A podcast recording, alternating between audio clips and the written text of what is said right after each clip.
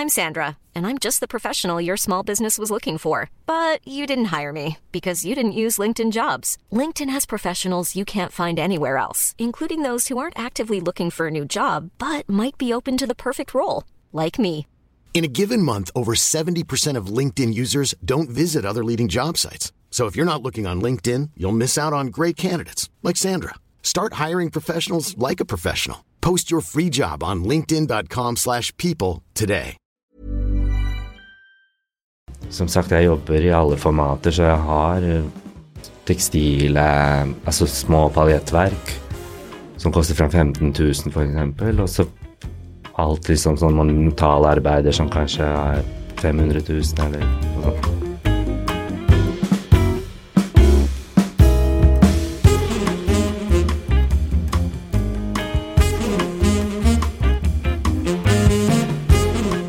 Hei, nå er det igjen fredag, og Kunstpraten er tilbake. Ja, vi sitter i studio. Vi har fått en veldig spennende gjest. Det er kunstneren Admir Batlak. Og han har for øyeblikket en egen utstilling på Munch-museet. Velkommen hit, Admir. Takk skal dere ha. Du har jo hatt en lang eh, karriere allerede, selv om du bare er 41 år, som er jo relativt ungt i kunstbransjen. Og du har kjøpt inn av mange museer og er tilknyttet eh, det anerkjente galleriet RIS, og så har du også jobbet eh, som klesdesigner. Men la oss starte med Munch. Dette syns vi er veldig spennende. Og der har du blitt plukket ut i en satsing hvor de satser på unge kunstnere. Du er jo 41, som fortsatt er relativt, eh, relativt ungt i kunstverden, så du er tatt med der. Og det er støttet av Talent Norge og Kanika, Stein Erik Hagens selskap. Eh, Men det er jo ikke alle lytterne som har sett utstillingen, eh, så kanskje du kan starte med å fortelle litt om den. Ja, det er en uh, stedspesifikk installasjon i museets tiende etasje. Det er der hvor bygget liksom begynner å knekke. Ja. Så øh, mitt verk forholder seg sånn spesifikt til den skråveggen som er karakteristisk for rommet og museets fasade. Og jeg har laget en uh, veggskulptur, kan man kalle det, som er todelt, som er um, Eller uh, hva skal jeg si, den består av en slags malerisk søyle som er åtte meter høy, og en med skulpturell vinge.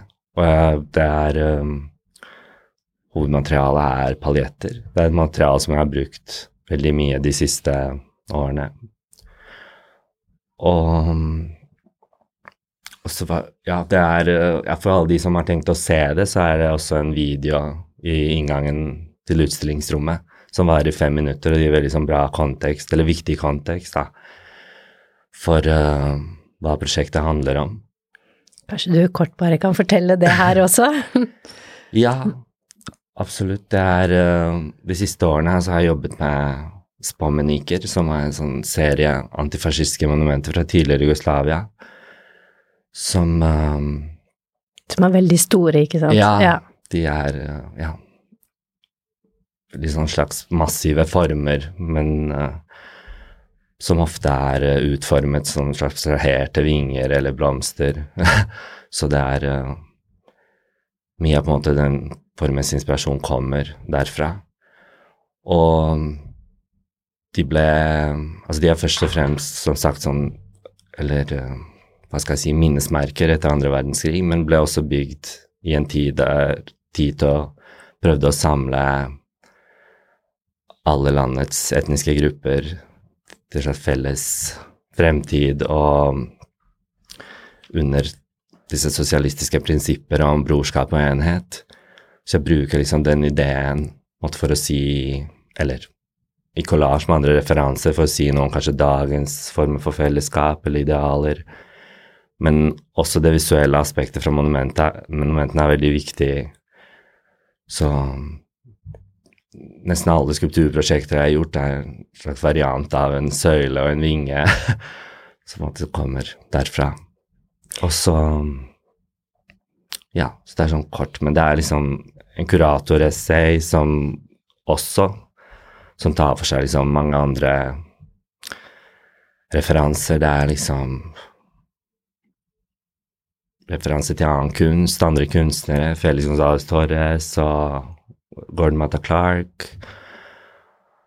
Og til og med liksom app-kultur og Så jeg jobber veldig i en sånn slags collage. Skjønner.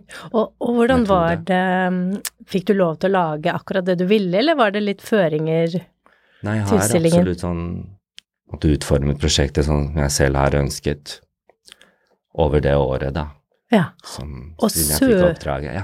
Ikke sant. Og søkte du på en måte øh, for å få lov til å stille ut deg i, denne utstillingsrekken, eller ble du spurt, eller hvordan fungerte det? ja, det var en open call som jeg søkte på og fikk, da. Eh, For det var eh, i fjor vår. Så du har holdt på et drøyt år, da. Har, Ja, har du holdt på da hele det året, eller har du tatt mye pauser, eller hvordan har prosessen vært? Altså, jeg har hatt noen andre utstillinger som uh, jeg har liksom Ja. Som jeg har uh, hatt, da. Og, men uh, jeg fikk en pris på høstutstillingen, så jeg fikk en sånn utstillingsturné som var i Skien, Ålesund og Bodø. Så mye av det jeg viste det året, var verk som allerede eksisterte, da Ja. men som jeg supplerte liksom med noen nye arbeider. Så jeg har hatt mest fokus på Munch-prosjektet, da.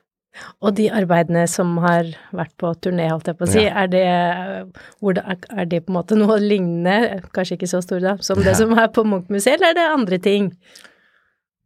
Nei, det er jo som sagt vært uh, veldig mye paljetter som jeg uh, på en måte behandler veldig mye, da.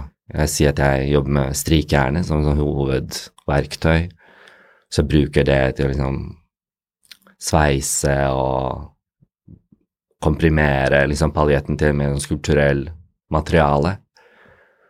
Så ja, så det har vært liksom mindre, hva skal jeg si, liksom Både hva skal jeg si, mindre formater, men også kanskje mindre monumentale Som en slags sånn oppbygging opp mot det prosjektet på Munch som er det absolutt største jeg noen gang har gjort. Ja. Ja. Og hva betyr det for deg, dette prosjektet på Munch da? Um, hva det betyr Nei, det er uh, først og fremst vært et sånn veldig bra prosjekt, hvor jeg har kunnet liksom jobbe i dybden på en måte med folk på huset, eller sånn. Det har vært veldig tett dialog med kurator og prosjektleder og satt samarbeid med en utstillingsarkitekt og jobbet med konservatorer og teknisk team og lys. Så det har liksom vært et veldig sånn rikt prosjekt, da, hvor jeg har liksom kunnet utfordre mange deler av, av kunstnerskap som jeg ikke har jobbet med før, da, som, ja, og lært masse. Ja. Men hvordan starter du da? Nå har du snakket litt om bakgrunnen Ja. i stad, men hva er det første du gjorde da, eh, da du fikk dette oppdraget på våren i fjor? Hva, hva gjør du fysisk først? Ja, altså jeg var veldig sånn sikker på at jeg ville jobbe med denne veggen, og at plasseringen av verket måtte skje der, så begynte jeg å jobbe med skisser i papir. Ja, så sånn plasseringen var det første Av, ja. mm. Uh, og så har den uh, måte formen eller på, på skulpturen endret seg ettersom jeg liksom begynte å behandle tekstiler og finne ut liksom hva slags vekter de hadde, og hva slags uttrykk det ga. Men plasseringen av verket er liksom be, be, hva skal jeg si, bestått, eller det har liksom forblitt der, da. Mm. Som du tenkte sånn tenkte tro fra starten av. den ja, Ja. originale ideen. Og nå er du jo hos Hegnar Media, så vi snakker kanskje litt mer om, om penger enn andre steder, så jeg håper det går bra. Men um, er dette verket, altså, er det til salgs, er det solgt, eller hvordan er det? Ja, det er til salgs. Uh, altså, jeg jobber med Galleri Ris, så det er de som jobber med salget, men vi har liksom pratet en del ehm, om hvordan det kan gjøres. At noen deler vil beholde på en måte sånn som de er, utstilt, mens noen andre ting kan selges separat. Altså dette er veldig store arbeider, så det er Ja. kanskje først og fremst aktuelt for offentlige samlinger eller utsmykninger. Men det kan være, kan være aktuelt å dele det opp også? Uh, ja, altså til og med når verket skal stilles ut på nytt, så må det deles opp, fordi Ja. det er laget veldig spesifikt det, det rommet. Så de samme proporsjonene er, tror jeg er vanskelig å Da må du ha et stort hus, i hvert fall. Eller nei, jo mer en offentlig sted, da. Ja. Eller eh, jeg har egentlig allerede ideer på hvordan det kan stilles ut på nytt, eller ja, Ja. så gøy. Det syns jeg egentlig Og kan du si litt om prisene sånn på kunsten din ellers, eller? Uh, ja. Altså, jeg har eh, Som sagt, jeg jobber i alle formater, så jeg har eh, tekstile Altså små paljettverk som koster fra 15 000, for eksempel, og så alt liksom sånn monumentalarbeider som kanskje er 500 000, eller noe sånt. Ja. Stor forskjell. ja. Men den fascinasjonen for paljetter er jo veldig gøy, og jeg var jo så på verket igjen i går og fikk jo veldig lyst til å ta på det, selv om jeg ikke gjorde det. Men altså, hvorfor begynte du å jobbe med paljetter? Det er jo kjempemorsomt. Syns jeg i hvert fall. Altså, jeg har alltid vært opptatt av uh, disse materialene som gir veldig sånn mye i seg selv, eller er sånn dekorative. Men så er det materialet som for meg liksom representerer veldig mange ting. For det er eh, Forbindes kanskje med Dette snakka jeg også om i video, men det liksom forbindes med liksom noe fjollete eller forgjengelig. Og så er det samtidig et sånt materiale som assosieres med feiring og optimisme, og så er det et slags unaturlig materiale. Og sånn som jeg jobber med det, så er det også måte en byggestein, eller blir til en byggemasse, altså byggemateriale. Så hva skal jeg si, det er jo sånn slags sånn materiale som du vet kanskje noen ser på som dårlig smak, så det er sånn lett å undervurdere. Samtidig er det sånn demaskuliniserende materiale, så det er sånn alle disse forskjellige assosiasjonene da, som jeg syns er interessante. Og ja, det er slett sånn. Og samtidig så kan det bare være ren overflate eller glitter, liksom. Men hvem er det du lager den kunsten for, da? Nå, nå var jo dette et prosjekt med Munch, ja. men hvem er det du vil skal se det, og hvem er det du lager det for? Um, Eller er det bare deg selv? Uh, ja, eller jeg lager jo kunst først og fremst i utstillinger. Ja. og ja, så er det det jeg ønsker å liksom holde det interessant for meg selv, for det tenker jeg liksom måten å gjøre det interessant for andre på. Så jeg tenker aldri hatt en sånn målgruppe. Det hadde jeg egentlig ikke når jeg lagde klær Nei. heller. Jeg tenker folk finner veien til det selv, og kanskje følger det over tid og forstår det over tid. Og, mm. Kanskje vi skal gå litt tilbake til, til klærne, som du vel Ja. kanskje startet med, som Ja. vi oppfattet å ha studert i Milano, og Ja, hvordan ble det til? Eller hvordan ble det til at du gikk den veien? Uh, jeg har hatt en sånn interesse for klær siden jeg var liten, i form av en sånn personlig stil.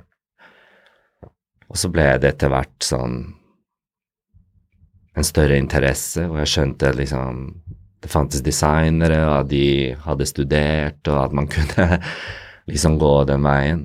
Og så jeg dro til Milano da jeg var 20, og var fire år der. Og det var liksom kanskje et sånn naturlig sted å være, for på den tiden så så man liksom London, Milano og Paris som steder å dra for å studere mote. Men drømte du allerede da om å bli kunstner også, eller trodde var planen å bli klest kun, kun i gåseøynene klesdesigner? Uh, ja, det var, altså jeg var jo opptatt av mote og, på den tiden, og, og det var også kanskje et annet felt enn det det var nå, enn det det er nå. At, eh, så for meg, eller i hvert fall på den tiden, så handler det liksom ikke så mye om hva kanskje et produkt eller plagg er, eller Men liksom, det var jo den fantasien om å lage liksom en sånn catwalk-visjon av hva liksom et fag eller felt eller uttrykk kunne være. Så, så det har på en måte alltid stått sterkest. Og, og den moteforbindelsen kom jo egentlig etter at vi flyttet tilbake til Norge. Da jeg jobbet med Charlie Selvik, så kontaktet vi Galleris en dag. Galleri Men hadde du studert sammen med Selvik da, Hun var i London. Hun var i London, Men vi okay. var venner før vi dro, Ja, liksom, ja. Lier. Og Nei, det var på et tidspunkt at vi kontaktet Galleri Ris fordi vi likte utstillingslokalene deres og hadde lyst til å ha en visning der. Ja. Og vi kom fra mote, så vi visste ikke at man egentlig ikke skulle kontakte gallerier. Å ja, at de måtte morsomt, liksom komme Men var de nede på ved Tjuvholmen da, eller hadde de Ja, flyttet? Ja, ok. Ja. Ja. Gamle, var det noen kaffelager eller noe sånt? Ja, Ja, det var litt sånn industripreg, ja. og, og de svarte og inviterte oss på en lunsj, og vi liksom presenterte hva vi hadde lyst til å gjøre, og så ble det en visning, og etter hvert et mer fast samarbeid. Og jeg fortsatte å jobbe med de også når jeg begynte å lage Det var egentlig de som viste det første skulpturprosjektet Ah, i 2019. Det er morsomt. Ja, for jeg lurte på hvordan du kom inn i gallerier Ja, så, ung. Ja, så lurt, da. sånn, Da går det jo eh, an som ung, kunstnere ja. å kontakte litt gallerier. Det kan vi jo ha som et tips. Altså, jeg vet ikke hvor bra det går, men det var eh, Funket for deg, i hvert fall. Må ha noe bra å De var levere også to og Ja. uredde og Ja, kjempegøy. Ja. Ja. Så det var Så det var i 2019 historie. 2019 du lagde den første skulpturen? Ja. Men apropos det med liksom kunst, i i det samarbeidet ble vi veldig sånn gjort klare over at de ikke så så stor forskjell på hvordan vi jobbet på atelier enn kanskje andre kunstnere de jobbet med, som var billedkunstnere. Så jeg har alltid liksom argumentert for eh, en sånn klesdesignprosess, eller i hvert fall når det er sånn atelierbasert, at det er liksom like Eller kan være like liksom eksperimentelt og ekte og utforskende. Men lager du fortsatt klær òg, eller? Uh, nei, jeg har ikke laget korreksjoner siden 2018, men nå laget jeg eh, eller designet og fikk hjelp til å lage uniformene til eh, utstillingsvaktene Ja. i rommet. Og fortell litt om dem. De er jo helt herlige. Ja. Nei, jeg ville lage mm, på en måte en eh, slags opphøyd, men litt naturlig uniform, som, funger, som var en forlengelse av verket. Så det ble mm, en bukse, en sånn slack i denim, og en paljettoverdel over en long sleeve. så det er en sånn slags grunge eh, glamour, eller jeg vet ikke. Og ja, som sagt, det er egentlig ikke så langt unna den uniformen de egentlig ville hatt på museet, men bare at det er i andre materialer og Mer en bro, på en måte, til Ja, verket. til Ja. verket. Men Fordi- tenker du liksom at du er billedkunstner, eller tenker du du er designer, eller har du ikke at det er så Altså, nøye, i, men ja. Jeg jobber i en kunstkontekst nå, så Ja. det er kanskje det jeg sier. Men nå som du er ferdig med dette prosjektet, da, hva jobber du med videre? Har du da allerede planer for hva du skal gjøre videre, eller? Ja, jeg har to prosjekter neste år. Det ene er en gruppeutstilling på uh, Wergelandshaugen kunstsenter i Eidsvoll. Og så jobber jeg med en uh, ny separatutstilling på Galleri Ris, som blir om akkurat et år cirka. Ja. November neste år. Um, Og de har jo flyttet helt- til et nye lokaler som Ja. er et sånn en gammel leilighet, så det er jo veldig kontrast, Ja. men veldig hyggelig. Ja. ja, så jeg Det forrige utstillingen jeg hadde da, var i 2019, som sagt. Så Spennende. Spennende. ja, det er kult. Du kommet jo til Norge da du var elleve år, fra Mostar, Ja. og kom til jordbærbygda Lier. ja. Hvordan var det? Jeg plukket jordbær som liten. Ja, ja, du gjorde det. Det har jeg også gjort. Ja. Hvordan det var. Ja. Um, altså, vi Ja, vi flyktet fra krigen, så det var selvfølgelig tøft. Mhm. Og vi kom i juli 93. Og da hadde krigen vart en stund, så da hadde Norge var et av få land som fremdeles tok imot flyktninger. Mm. Så vi var uh, på litt forskjellige asylmottak på Østlandet før vi liksom havnet i Lier og ble der. Um, og jeg bodde egentlig der helt til jeg flyttet til Milano i 2002. Hvordan tenker du på en måte at, eh, eller du var jo litt inne på det innledningsvis, da, men på en måte at bakgrunnen din eh, har påvirket kunstverkene og det du har opplevd? Ja, altså med disse monumentene så kom jo liksom på en måte hovedreferansen Ja. derfra. Jeg har også hørt ofte at jeg har en sånn slags balkansk sjel, det Ja. jeg gjør. Og at jeg har dette aspektet sånn feiring og humor, til tross ja. for liksom all sorgen, eller ja. Så paljettene kanskje kom derfra. mm, Ja, de kommer fra mange steder. Ja. Men ja. jeg skjønner. Mm. Jeg har lurt på også med de paljettene hvordan Altså, paljetter er jo ganske små og Mm. liksom tynne, og så fortalte du at du på en måte sveiser dem sammen, og jeg skjønner altså disse svære på en måte at de gjør, men hvordan får du det til når de er Og så er det veldig sånn teknisk eh, Hva slags instrumenter bruker du da? Jeg bruker strikejerne. Å ja, får så du til det det? er uh, Og et uh, slags sånn skredderlim, eller dobbeltsidig lim, som heter Flisafix, okay. som er på rull. Og det aktiveres av strikejernets varme, så jeg bruker det liksom til å liksom slags sånn lime eller komprimere de tettere sammen, så de blir til en sånn slags pels eller um, skulpturell masse. Ja. Så det er sånn strikejern er alltid sånn viktig. Til og med det som nå er det maleriske, på en måte i, er jo egentlig printarbeider som er basert på tidligere paljettarbeider. Jeg har jobbet med Canon, så jeg har liksom printet på uh, PwC og vatt og nettopp dette limet, da, som jeg i etterkant liksom smelter oppå liksom Så sier jeg at jeg maler med strikejernet, så liksom da blir limet også en slags sånn malerisk komponent, eller Interessant. ja. Så Så alt Nesten all teknikk jeg gjør, er en slags forlengelse av dette arbeidet med strikejernet.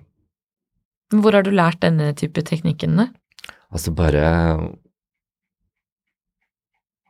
over tid, liksom. Selv? Og utvikle teknikker. Ja. Ja, meg selv. Jeg har også jobbet hos Dolce Gabbana noen måneder, og da var det um, sånt eget strikerom, så der likte jeg å henge ut. Ok, så gøy. Ja. Hva gjorde du der da? Nei, men bare snakket med de som var ansvarlige for å strike, og ja, og liksom jobbet med de, og så Det er en sånn teknikk som heter bonding, da, som er veldig sånn populær på den tiden, hvor man lagde sånne slags neopreneffekter, da, ved å Vet ikke om dere kjenner til det, men det er sånn to stoffer som settes sammen til å bli en ny vekt, da. Ja. Og så har jeg liksom veldig sånn utfordret den slags bondinga, som det heter i når jeg jobbet med klær, og også når jeg jobbet med skulptur. Da begynte jeg å bonde liksom mange materialer sammen, så de nesten begynte å stå av seg selv, eller Så øh, Det har bare liksom skjedd over tid at øh, Ja. Du vet, du jobber med teknikk, og så til neste prosjekt tar du det et skritt videre, og så kommer det på noe Ja, tar det nye veier hele Ja. tiden. Og så, så jeg har liksom jobbet med det nå så lenge jeg kan huske. Så jeg er sånn stort industrielt strikejern. Ja. Så gøy. One size fits all seems like a good idea for clothes until you try them on. Same goes for healthcare. That's why United Healthcare offers flexible, budget friendly coverage for medical, vision, dental, and more. Learn more at uh1.com. I'm Sandra, and I'm just the professional your small business was looking for. But you didn't hire me because you didn't use LinkedIn jobs. LinkedIn has professionals you can't find anywhere else, including those who aren't actively looking for a new job but might be open to the perfect role, like me. In a given month, over 70% of LinkedIn users don't visit other leading job sites. So if you're not looking on LinkedIn, you'll miss out on great candidates like Sandra. Start hiring professionals like a professional. Post your free job on linkedin.com/people today.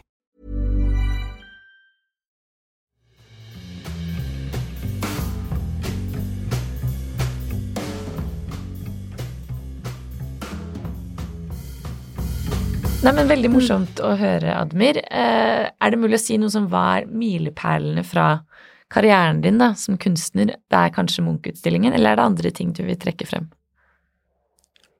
Um,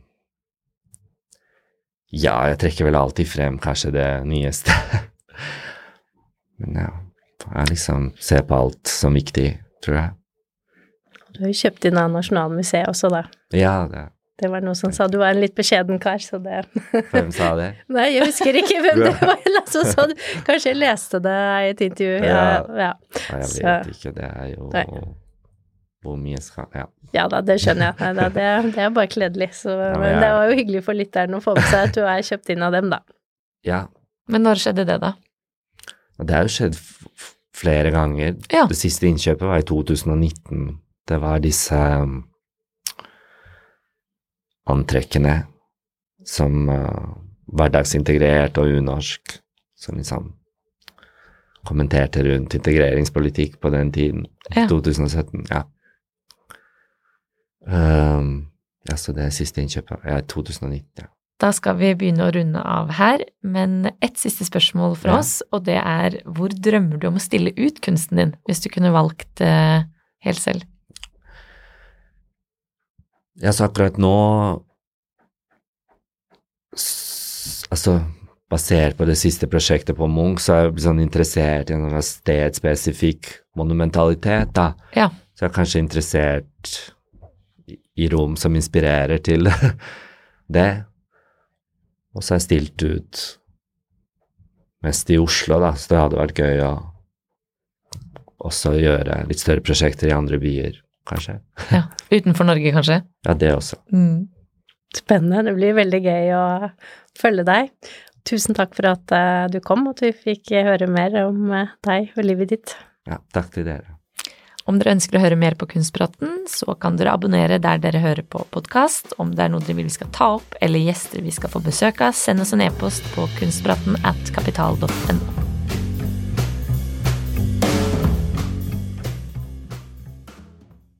Kunstpraten er en podkast fra Finansavisen. Programledere er Margrethe Hegnar og Kari Nestås. Produsent er Lars Brenden Skram. Og ansvarlig redaktør er Trygve Hegnar.